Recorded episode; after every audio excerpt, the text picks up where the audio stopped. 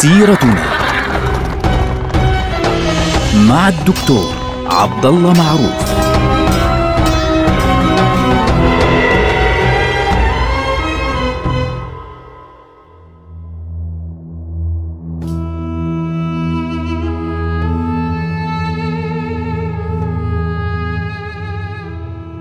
السلام عليكم ورحمة الله وبركاته. سيرتنا سيرة هذه الأمة ونحن الآن مع سيدنا علي بن أبي طالب رضي الله عنه في أوائل أيام خلافته رضي الله عنه وأرضاه.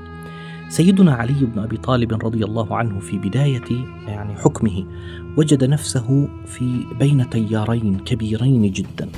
الطرف الأول المشاركون الذين قتلوا وحرضوا ضد عثمان رضي الله عنه يعني مجموعة وعلى فكرة أسمائهم عرفت الكبار اللي هم كبار الثوار بين قوسين منهم المشاركين يعني واحد اسمه عبد الرحمن بن عديس آه كنان بن بشر هؤلاء من مصر وأيضا حكيم بن جبلة هؤلاء من مصر. هناك مالك الأشتر النخعي أيضا هذا من الكوفة. ومحمد بن أبي بكر طبعا كان لاحقا ذهب إلى مصر إلى آخره فبالتالي هؤلاء آه كانوا يعني كبار الثوار. ماذا حدث لهم؟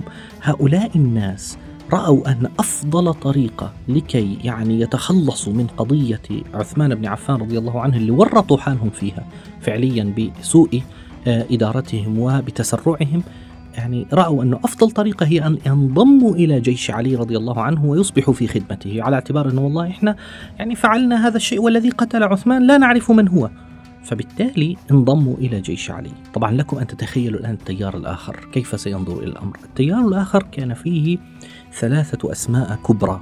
من هي؟ سيدنا طلحة بن عبيد الله رضي الله عنه وأرضاه وسيدنا الزبير بن عوام رضي الله عنه والسيدة عائشة أم المؤمنين رضي الله عنها وأرضاها.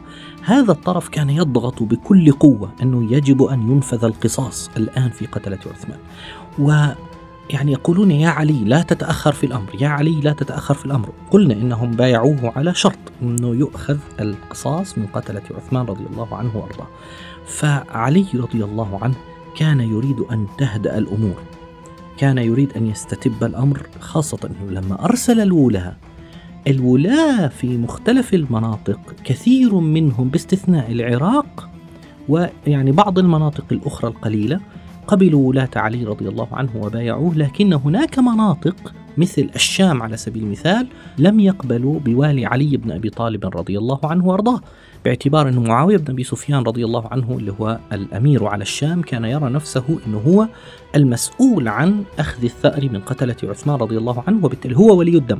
فكان يعلق بيعته على على أخذ الثأر وكان يقول دائما وهذه نقطة أيضا يجب أن نهتم بها فيما يتعلق بسيدنا معاوية رضي الله عنه كان يقول والله ما نطلب عليا في هذا الأمر ولا ننازعه هذا الأمر اللي هو الخلافة. ولكن ما بيني وبينه قتلة عثمان. يعني إحنا يعني نريد أن نأخذ الثأر لعثمان رضي الله عنه لأنه خليفة المسلمين. يعني القضية مش بسيطة. فحتى انه علي رضي الله عنه يقول أنا لا أعرف من القتلة بأعيانهم، يعني أنا سألت محمد بن أبي بكر قال أنا لا أعرف من الذين دخلوا ولا أعرف من الذي قتله لأني لم أنظر لم أرى، وزوجته قالت لا أعرف من الذي قتله، فكان آه، علي رضي الله عنه يصرح كما ورد يعني في سنن ابن منصور يقول يقول والله لوددت أن بني أمية رضوا لنفلناهم خمسين رجلا من بني هاشم يحلفون ما قتلنا عثمان ولا نعلم له قاتلا. اليوم يوم يومين ثلاثة أربعة مضت أربعة أشهر دون أن يؤخذ الثأر من قتلة عثمان. قلنا أنه هؤلاء اختلطوا بالناس ودخلوا مع علي بن أبي طالب رضي الله عنه وأصبحوا غالبية موجودة. فهذا الأمر يعني كان يعني خطيرا بالنسبة لطلحة والزبير فخرج طلحة والزبير باتجاه آه، مكة. وبدأ يجتمع عندهم أعداد يعني حوالي 700 رجل وخرجت السيدة عائشة أيضا إلى مكة على اعتبار أنهم يريدون العمرة. وبعد ذلك لما وصلوا إلى هناك صاروا يطالبون علانية أنه يا علي عليك أن تأخذ الثأر من قتلة عثمان الآن. اللي زاد الطين بلة إنه هؤلاء لما دخلوا مع علي بن أبي طالب واختلطوا في الناس اللي مع علي بن أبي طالب رضي الله عنه صعب على علي رضي الله عنه أمر إخراجهم، يعني هو بيعرف من من هم رؤوس المشاركين، لكن من الذي قتل عثمان بالذات بالضبط؟ كانوا يقولون لا نعرف من هو بالضبط. وصاروا هؤلاء طبعا يعني بخبوا على بعضهم على بعضهم البعض. وهذا يدلني مرة أخرى أن هناك يدا معينة كانت تحرك عددا لا بأس به من هؤلاء. ما بدي أقول كلهم لكن عدد لا بأس به منهم. فالمبدأ آه، القادة الكبار اللي هو سيدنا طلحة والزبير والسيدة عائشة عند ذلك قرروا أن يخرجوا بأنفسهم بأنفسهم إلى البصرة ليبدأوا بأخذ الثأر من قتلة عثمان لأنه بلغهم أن هناك عدد من الذين حاصروا عثمان خرجوا باتجاه البصرة. فقالوا إذا إذا كان علي لا يستطيع أن يأخذ الثأر من هؤلاء نحن نأخذ الأمر بأيدينا ونحن نسير إلى هناك بأيدينا. طبعا هذا الكلام ما سببه بالدرجة الأولى؟ السبب باختصار أنه كان يعني طلحة والزبير بالذات كانوا يرون أنه هم مسؤولين بشكل غير مباشر عن ما حدث لأنهم يعني كانوا نادمين أنه كيف لم نتصور أنه سيقتل عثمان كيف لم نت يعني لم نأتي بأنفسنا كيف إحنا رحنا لبيوتنا ويعني وأرسلنا أبناءنا فقط كيف إحنا سمعنا لعثمان أصلا وتركناه يقتل رضي الله عنه وأرضاه فكانوا يشعرون أن الأمر يعني صعب يعني واحد منهم يروي رواية علقمة بن وقاص يقول رأيت طلحة بن عبيد الله وأحب المجالس إليه أخلاها. يعني جالس لوحده بعيد هيك.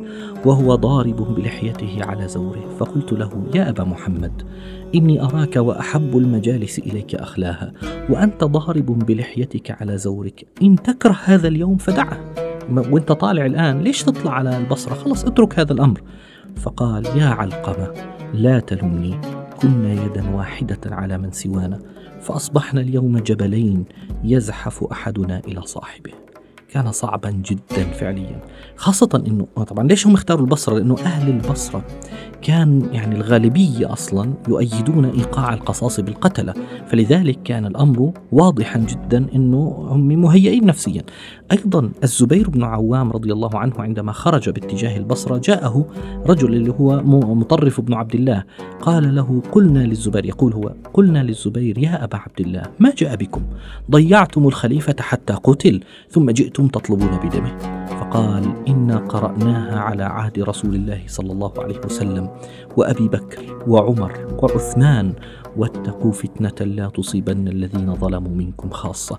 لم نكن نحسب أن أهلها حتى وقعت منا حيث وقعت.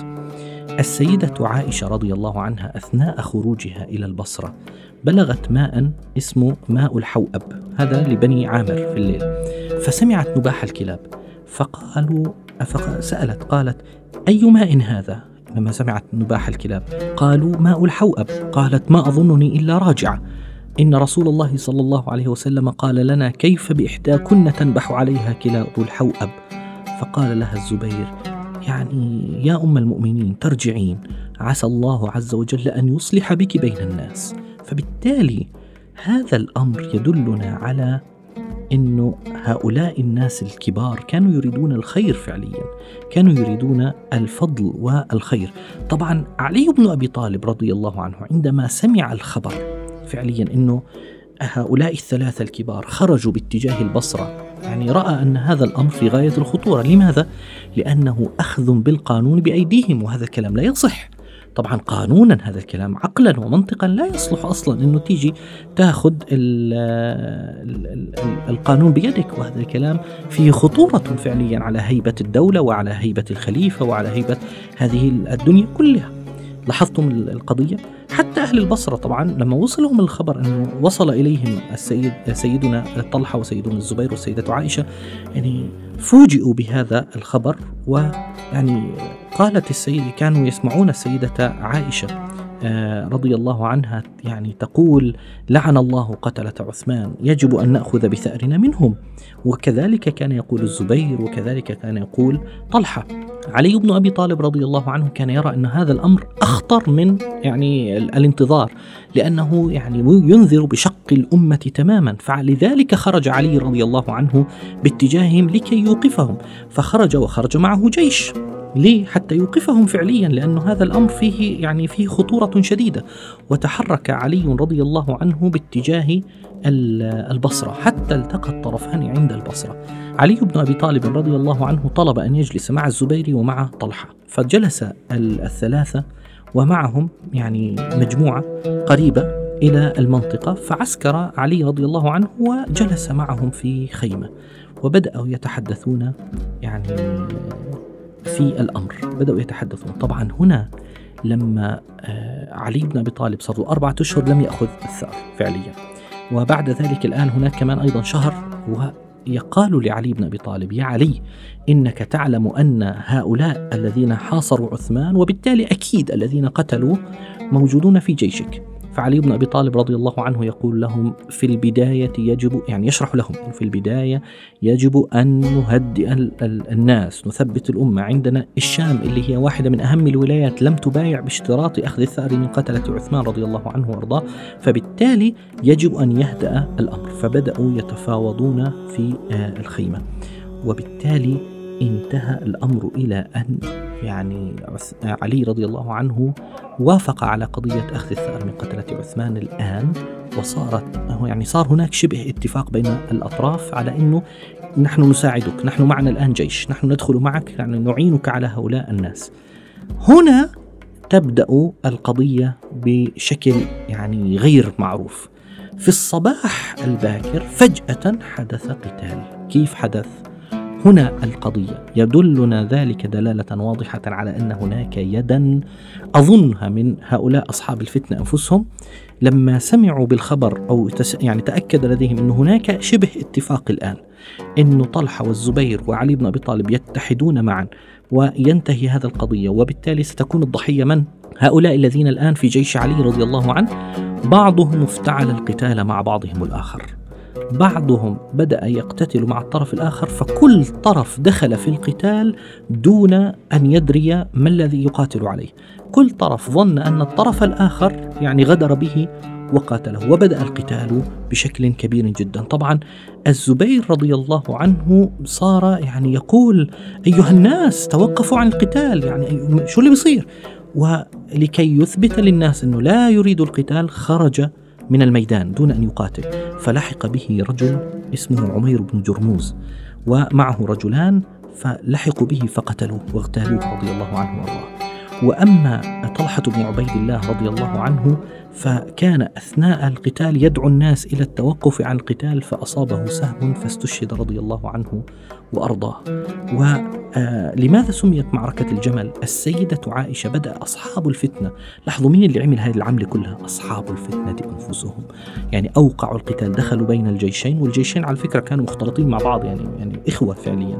فبالتالي دخلوا بين الجيشين وأوقعوا القتال بين الطرفين فظن كل طرف أن الطرف الآخر يقاتله ولم يسمعوا فلم يسمعوا للقادة فقتل آه، طلحة وقتل الزبير والسيدة عائشة حاولوا أن يقتلوها ووقع حول الجمل وقعت معركة كبيرة جدا حتى صار الجمل من شدة من كثرة السهام صار مثل القنفذ فلذلك سميت هذه المعركة معركة الجمل فعليا حتى انتهت المعركة إلى يعني حسم كامل بعد أن يعني استشهد الصحابيان الكبيران والسيدة عائشة يعني كانت على هذا الجمل الأحمر فكان الأمر في غاية الخطورة على الأطراف كلها ثم تمكن علي رضي الله عنه من إيقاف القتال. أوقف القتال فلما وصله الخبر أن طلحة رضي الله عنه توفي يعني حزن حزنا شديدا ثم قال ليتني لم أشهد. يا الله يعني يرى أصحابه ولما وصله الخبر بأن الزبير قد قتل رضي الله عنه غيلة قال بشروا قاتل ابن صفية بالنار بشروا قاتل ابن صفية بالنار. فلما انسحب الجيش كان علي رضي الله عنه ينادي لا يقتل مدبر ولا يذفف على جريح يعني اللي يجرح الجريح يداوى لا يقتل. ومن أغلق باب داره فهو آمن ومن طرح السلاح فهو آمن. فعند ذلك يعني حل الندم. على الأطراف كلها. وجاء علي رضي الله عنه بالسيدة عائشة. جاء بها مكرمة معززة وحملها على هودج وقال لها يا أم المؤمنين نعيدك إلى المدينة. فعادت السيدة إلى المدينة بعد أن كسرت قلوب المسلمين لهذا القتال الذي لم يكونوا يدرون كيف حدث ولماذا حدث لكنها الفتنة. هذا معنى الفتنة. نسأل الله العفو والعافية. نلقاكم على خير. والسلام عليكم ورحمة الله وبركاته.